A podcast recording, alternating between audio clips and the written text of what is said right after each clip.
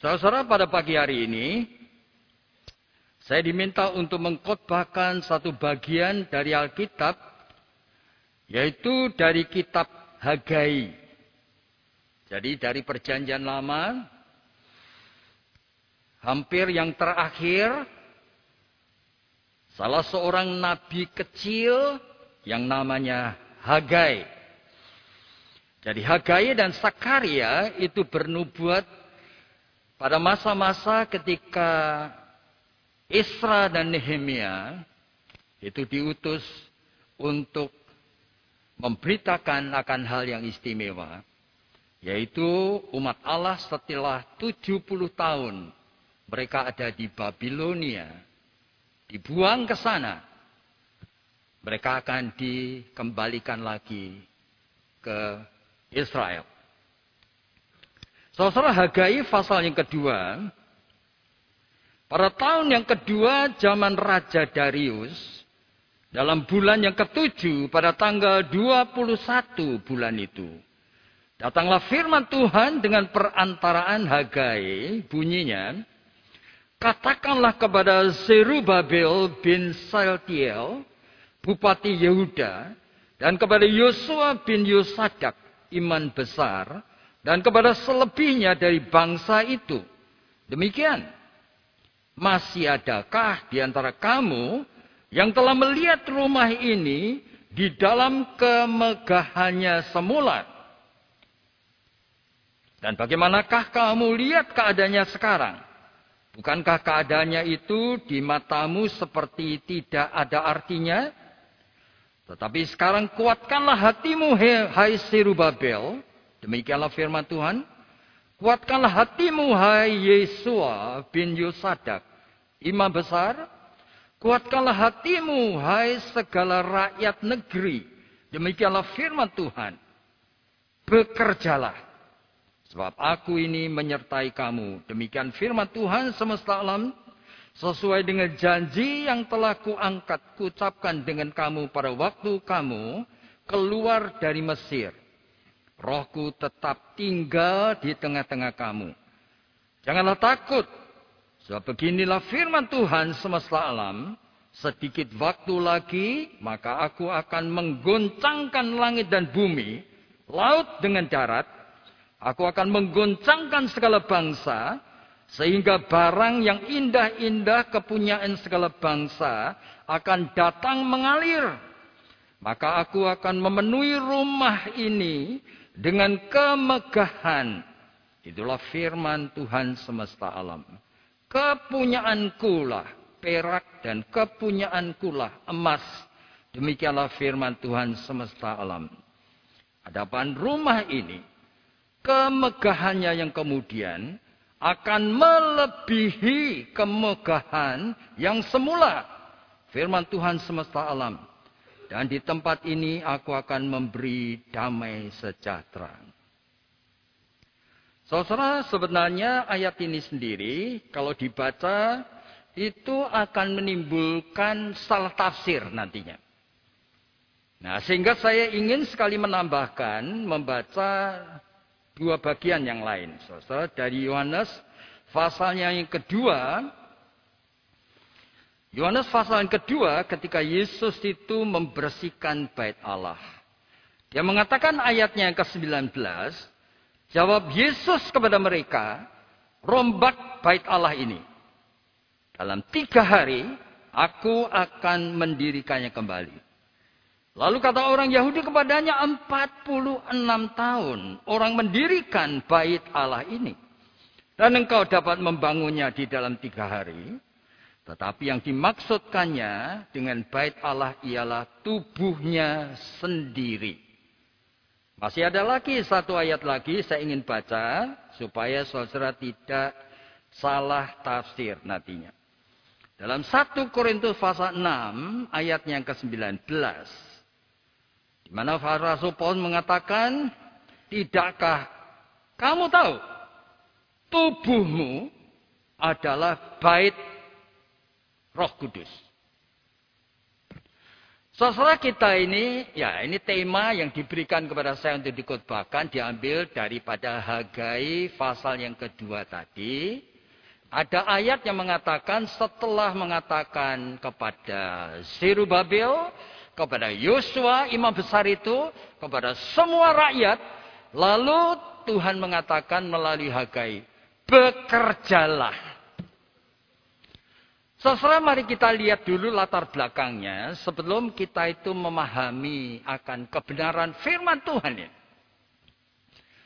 Jadi saudara tahu sekali bahwa bait Allah itu dibangunkan oleh Salomo, anak dari Daud itu kira-kira tahun 915 atau apa sebelum Masehi. Tetapi bait Allah yang begitu megah itu Tuhan izinkan untuk dihancurkan diratakan dengan tanah. Ketika Tuhan mengizinkan orang Kasdim, Babilonia, di bukan Nisar itu datang lalu menghancurkan semuanya. Tahun 586.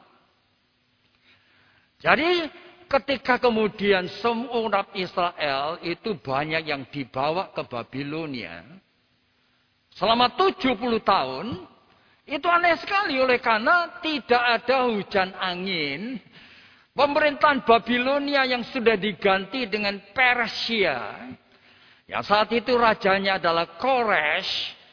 Tuhan itu entah kenapa kepada raja kafir ini mengurapi.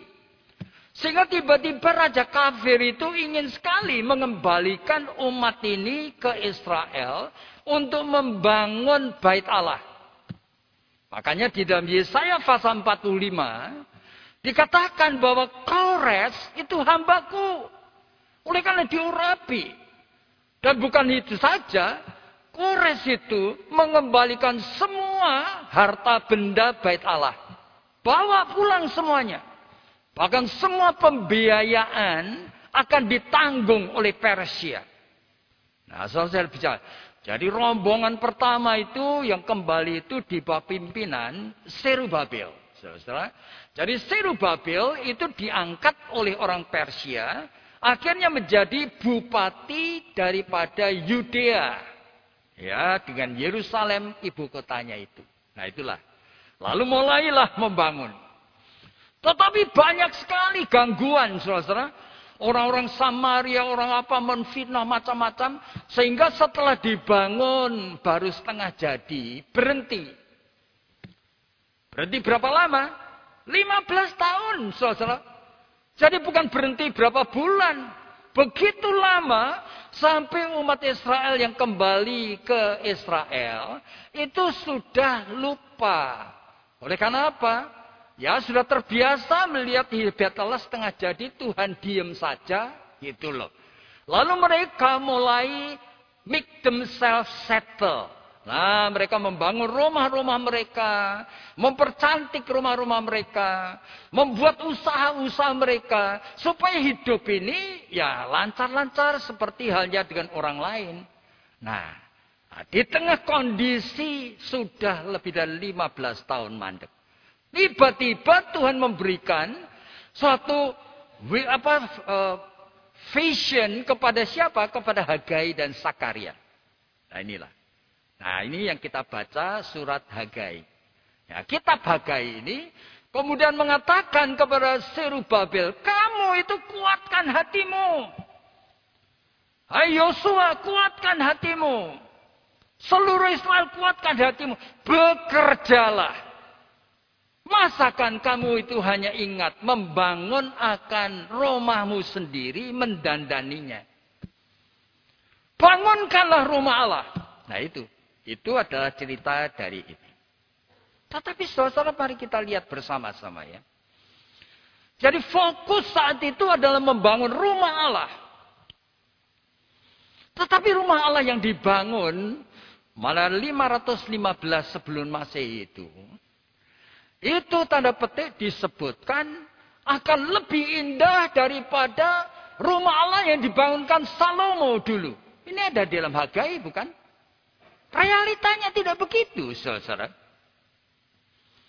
Dan rumah Allah yang seolah-olah belum selesai meskipun sudah indah itu nanti oleh Herodes Agung yaitu beberapa tahun sebelum Kristus lahir itu dia sudah memerintah itu dibangunkan ulang untuk menjilat pemerintahan Romawi, eh pemerintah orang-orang Yahudi, so mereka itu pro kepada Herodes yang agung. Dan Tuhan mengizinkan Bait Allah itu dibangunkan kembali oleh Herodes sampai menjadi begitu luar biasa. Tetapi Yesus mengatakan, nanti suatu hari kelak tidak ada satu batu pun yang tertumpuk di atas batu yang lain. Jadi tahun 70 Kaisar Titus dari Romawi meratakan dengan tanah. Sampai sekarang tidak pernah ada lagi. Di situs yang sama itu akhirnya dibangunkan Masjid Al-Aqsa. Jadi Dome of the Rock oleh Khalifah Umar Khatib itu. Bayangin. Sampai sekarang. Jadi orang-orang Yahudi, Yahudi itu Selalu menangis di tembok. Sampai kapan janji Allah itu akan tergenapi? Tapi saudara di dalam perjalanan seperti itu, kita tuh membaca cara Tuhan bekerja. Ternyata apa yang dijanjikan Tuhan pada masa lampau, itu tidak bisa kita tafsirkan seperti pikiran kita. Seperti perasaan kita. Alangkah indahnya kalau bait Allah itu dibangunkan kembali. Sama seperti janji Tuhan kepada nenek moyang orang percaya itu. Tetapi ternyata tidak begitu. Di dalam Yohanes pasal yang keempat. Ketika Yesus bertemu dengan perempuan Samaria itu, perempuan Samaria itu kan mengatakan, Tuhan, sebetulnya ibadah yang baik itu apa di Yerusalem itu? Atau di Bukit Gerizim tempat kami tinggal ini? Lalu Yesus mengatakan apa? Tidak di Yerusalem, tidak di Gerizim. Itu sudah lewat. Orang yang mau menyembah Allah yang hidup tidak terikat pada gereja, gedung seperti ini. Tidak terikat ke bebet Allah dengan segala aturan-aturannya agama dengan syariah-syariahnya tidak lagi. Oleh karena waktunya itu sudah tiba. Orang yang menyembah Allah hanya bisa menyembah di dalam roh dan kebenaran. Jadi, pada saat itu terpaksa umat Allah itu mulai melihat perjanjian lama dengan sesuatu perspektif yang baru. Murid-murid itu mulai bertanya-tanya. Sebetulnya bait Allah itu apa? Yesus mengatakan apa? Runtuhkan bait Allah ini. Pada saat itu bait Allah dari Herodes ya. Aku akan membangunnya dalam tiga hari. Loh, 46 tahun bait Allah dibangun. Kamu tuh ngomong seperti itu. Maksud Yesus adalah, bait Allah itu adalah tubuh Kristus. Kamu bunuh aku. Pada hari yang ketiga aku akan bangkit kembali. Jadi pengertian bait Allah itu sudah sama sekali berbeda. Jika Rasul Paulus melihat tubuh Kristus yang namanya gereja itu persekutuan orang percaya. Yang di dalam 1 Korintus pasal 6, setiap orang percaya mempunyai tubuh yang menjadi rumahnya roh. Sehingga setiap orang percaya adalah bait Allah sendiri. Nah inilah persoalannya. Jadi jangan kita berpikir bait Allah itu gedung dengan fasilitas-fasilitasnya. Bait Allah itu adalah rumah Allah. Yaitu kehidupan kita di dalam darah daging ini. Jikalau kita adalah orang percaya, kita menjadi baitnya Allah.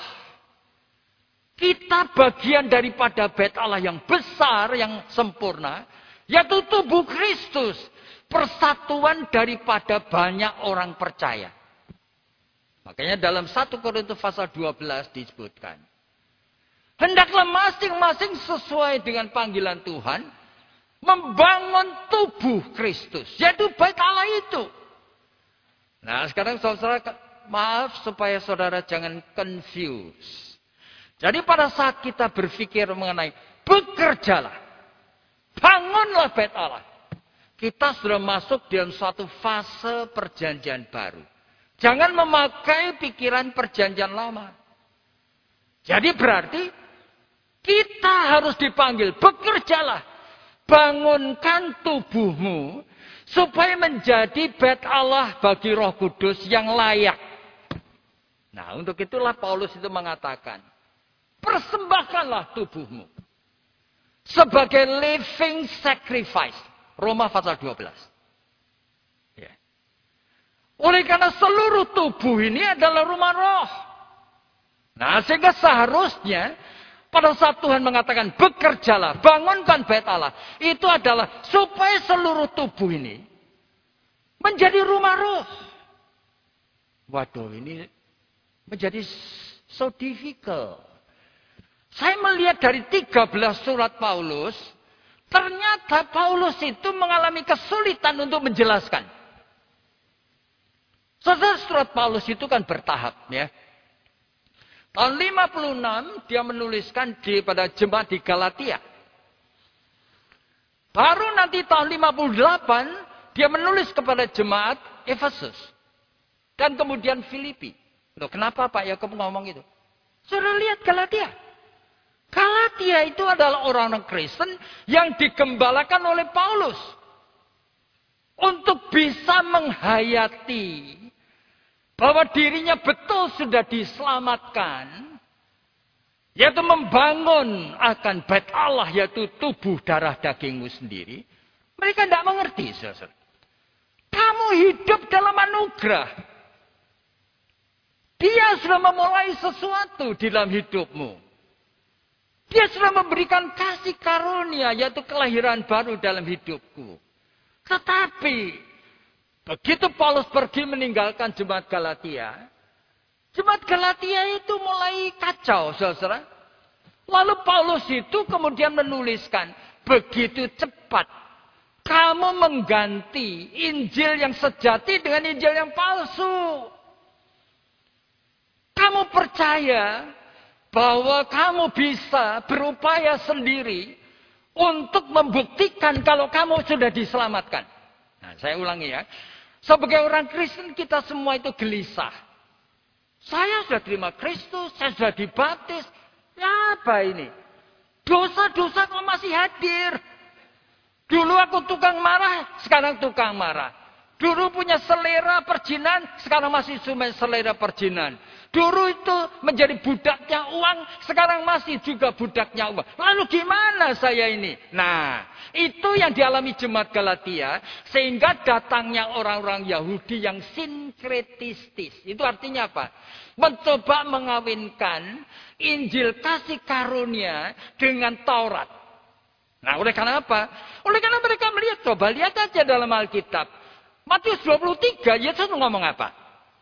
Kamu harus nuruti semua yang diajarkan ahli Taurat.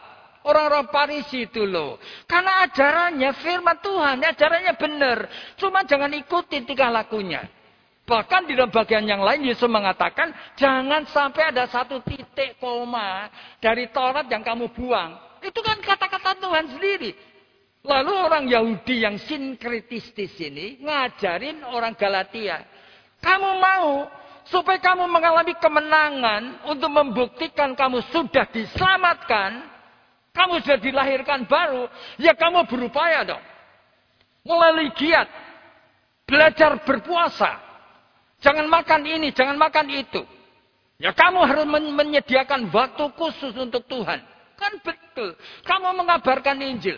Baca banyak bagian dari Alkitab. Loh, kelirunya apa? Ini.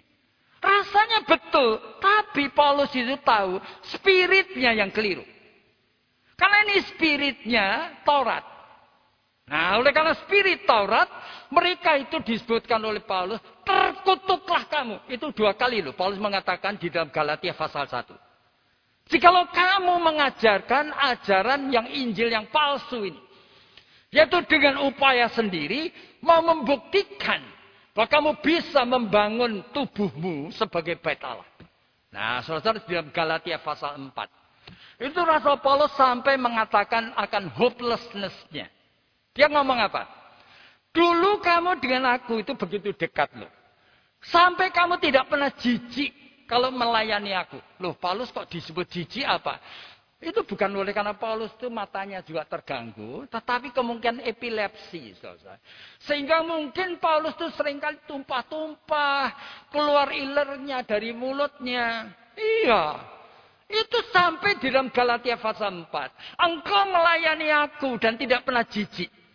Bahkan saat itu, saking dekatnya engkau dengan aku. Mungkin ya, kalau aku minta biji matamu tak cungkel aja kamu kasihkan aku. Itu ada di dalam Galatia pasal 4. Tapi sekarang, kamu sudah mengadopsi ajaran Injil yang lain. Apakah dengan aku mengatakan kebenaran, kamu menganggap aku jadi musuhmu sekarang? Nah itu ada dalam Galatia 4. Jadi Paulus itu Sampai mengatakan, aku tuh merasa seperti sakit bersalin lagi. Aku tidak, aku sudah kehilangan akal. Oleh karena apa? Bagaimana menjelaskan seorang yang sudah diselamatkan membangun tubuh Kristus melalui diri sendiri yang mempunyai kemenangan-kemenangan atas dosa. Gimana? Paulus tidak ngerti menjelaskannya. Di dalam Galatia, surat Galatianya, tahun 56. Paulus baru nah, mulai bisa menjelaskan di dalam tahun 58. Yaitu ketika dia menulis kepada jemaat Efesus, dia mulai tahu. Jadi kamu itu mengalami kesulitan untuk bisa memahami dirimu sudah diselamatkan, sudah terima anugerah, sudah dilahirkan baru. Oleh karena kamu tidak mengerti. Ya, makanya dalam Efesus pasal 2 ayatnya yang ke-8. Rasul Paulus mengatakan satu kalimat yang bagus sekali. Untuk menjelaskan. Yaitu karena kasih karunia. Kamu diselamatkan, tapi tidak tete. Oleh karena kasih karunia. Kamu diselamatkan oleh iman. Nah inilah. Jadi Paulus mau mengatakan, kamu tidak bisa mengerti bagaimana caranya merasakan bahwa kelahiran baru sudah hadir dalam dirimu. Kamu sudah diselamatkan. Kamu tidak mengerti caranya. Oleh karena kamu tidak mengerti bagaimana memakai iman. Jadi iman itu anugerah yang kedua. Setelah kasih karunia Tuhan beri. Dan iman ini yang bisa dipakai untuk memakai seluruh tubuh darah daging kita. Pada saat dipakai tubuh darah daging kita ini, kamu akan bersentuhan dengan Tuhan di dalam pengalaman kelahiran baru. Sulit ya? Nah, saudara bayangkan ya. Orang yang sudah diselamatkan bisa memakai ada ratusan bagian dari tubuh darah daging kita. Yuk mendengarkan khotbah. Yuk tidak fokus Firman Tuhan akan lewat. Pakailah otakmu, matamu, fokus. Tapi sesuai dengan Yesaya katakan, Allah itu bersemayam di tempat maha tinggi. Ya toh? Tetapi dia rela hadir di dalam jiwa yang broken and contrite. Dia mengerti maksudnya. Jadi saudara kalau sudah lahir baru, saudara pasti bisa membuat jiwamu, hatimu itu broken and contrite remuk dan tidak berlayak. Tuhan aku ingin sekali mendengarkan engkau. Aku tidak berlayak. Nah, pada saat saudara bisa membuat dirimu, perasaanmu tidak berlayak. Karena aku itu orang yang rosa, orang berdosa. Momentum itu mungkin lima menit. Tapi terjadi sentuhan antara Allah dengan kamu. Saat itu kamu akan tahu bahwa dirimu sudah diselamatkan. Saat itu kamu akan tahu bahwa kamu sudah dilahirkan baru. Sehingga perlu itu diripit, diulang-ulang. Bahkan Tuhan Yesus mengatakan, jika kamu tidak menjadi seperti anak kecil ini, seperti tadi yang nyanyi, kamu tidak bisa masuk kerajaan surga. Lalu Nikodemus, Nikodemus katanya, gimana aku dilahirkan baru lagi? Kamu masa tidak ngerti? Masalah rohani ini. Becoming childlike. Menjadi anak kecil. Sehingga Daud itu di dalam Mazmur 131 itu mengatakan kalimat seperti ini. Tuhan, aku tidak mau pikir-pikir yang besar seperti orang dewasa yang punya dream, punya macam-macam idealisme. Aku tidak mau sombong. Aku hanya mau menjadi seperti anak kecil yang baru disapih Tuhan. Yang duduk dengan ketakutan di kaki mamahnya. Dia barangkali megangin akan baju mamahnya. Daud itu ngerti sekali. Jadi dengan iman, mengatur perasaan, menjadi perasaan seperti anak kecil yang tidak berdaya. Bisa tidak? Bisa sekali, saudara. Jika saudara melatih akan tubuh darah daging menjadi spiritual mean, sarana rohani, saudara tiba-tiba itu mengalami bahwa saudara mendapat sentuhan. You dan saya betul milik Tuhan. You dan saya betul-betul sudah dilahirkan baru. Nah itulah Paulus di dalam Galatia belum bisa menjelaskan. Paulus baru bisa menjelaskan di dalam suratnya kepada Efesus. Dan kemudian kepada Filipi, saudara. Dan itulah, pada saat kita berpikir, membangun tubuh. Bekerjalah membangun tubuh. Adalah mempenyerahkan. Supaya seluruh tubuh ini menjadi senjata kebenaran. Jadi supaya semuanya itu memuliakan Tuhan. Semuanya itu menjadi bagian yang bisa memuliakan Allah Sang Kalik. Itulah membangun tubuh. Sehingga perlu sekali kita mengerti. Bahwa di dalam kehidupan orang percaya. Itu membangun tubuh. Itu Paulus saya mengatakan work out. Di dalam Filipi pasal 2 ayat 12. Kerjakan. Jadi jangan pasif. Work out your salvation.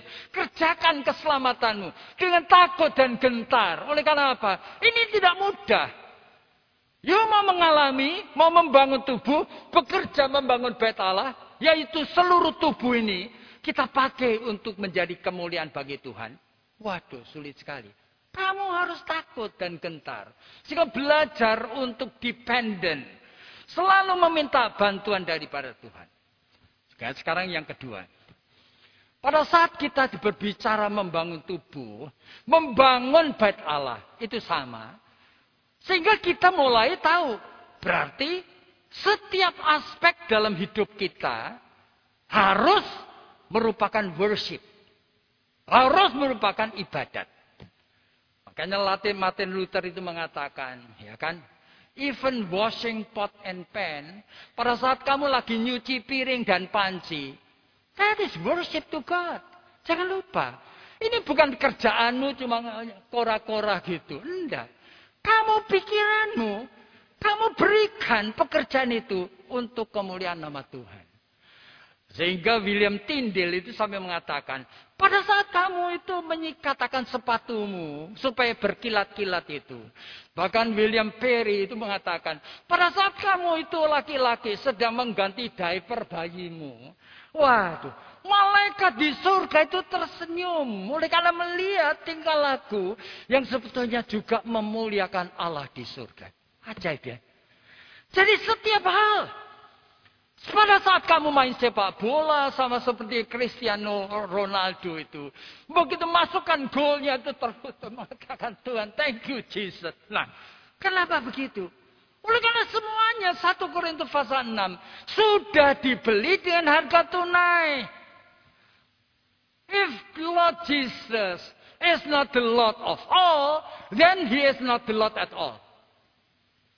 Makanya, pada saat kita ingin setiap aspek itu memuliakan Tuhan, menjadi membangun bait Allah, kita mulai sadar sekarang. Perbedaan perjanjian lama dengan perjanjian baru mulai nampak. Oleh karena dua hal ini, itu bukan pilihan. Jadi ada waktu saya kerja, ada waktu ke gereja. Ada waktu saya itu melakukan pekerjaan sekuler, cari duit. Dan ada waktu saya pelayanan. No, no, no, no. Di dalam perjanjian baru, dua-duanya itu inseparable. Menjadi satu. Tidak ada yang sacred dan profane. Dua-duanya sacred. You mengerti maksud saya? Tidak ada ini yang sekuler. Saya lagi cari duit. Aku lagi saya main sepedaan sama teman-teman. Ini tidak perlu ada kaitannya dengan rohani-rohani dan Tuhan Yesus. Wah, kamu salah mengerti.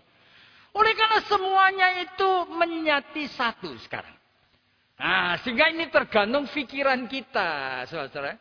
Jikalau saudara tidak melatih berpikir, dan saudara tidak sadar, maka hidup saudara itu akan terjebak. Begitu sudah ini menjadikan lihatnya sebagai dualisme.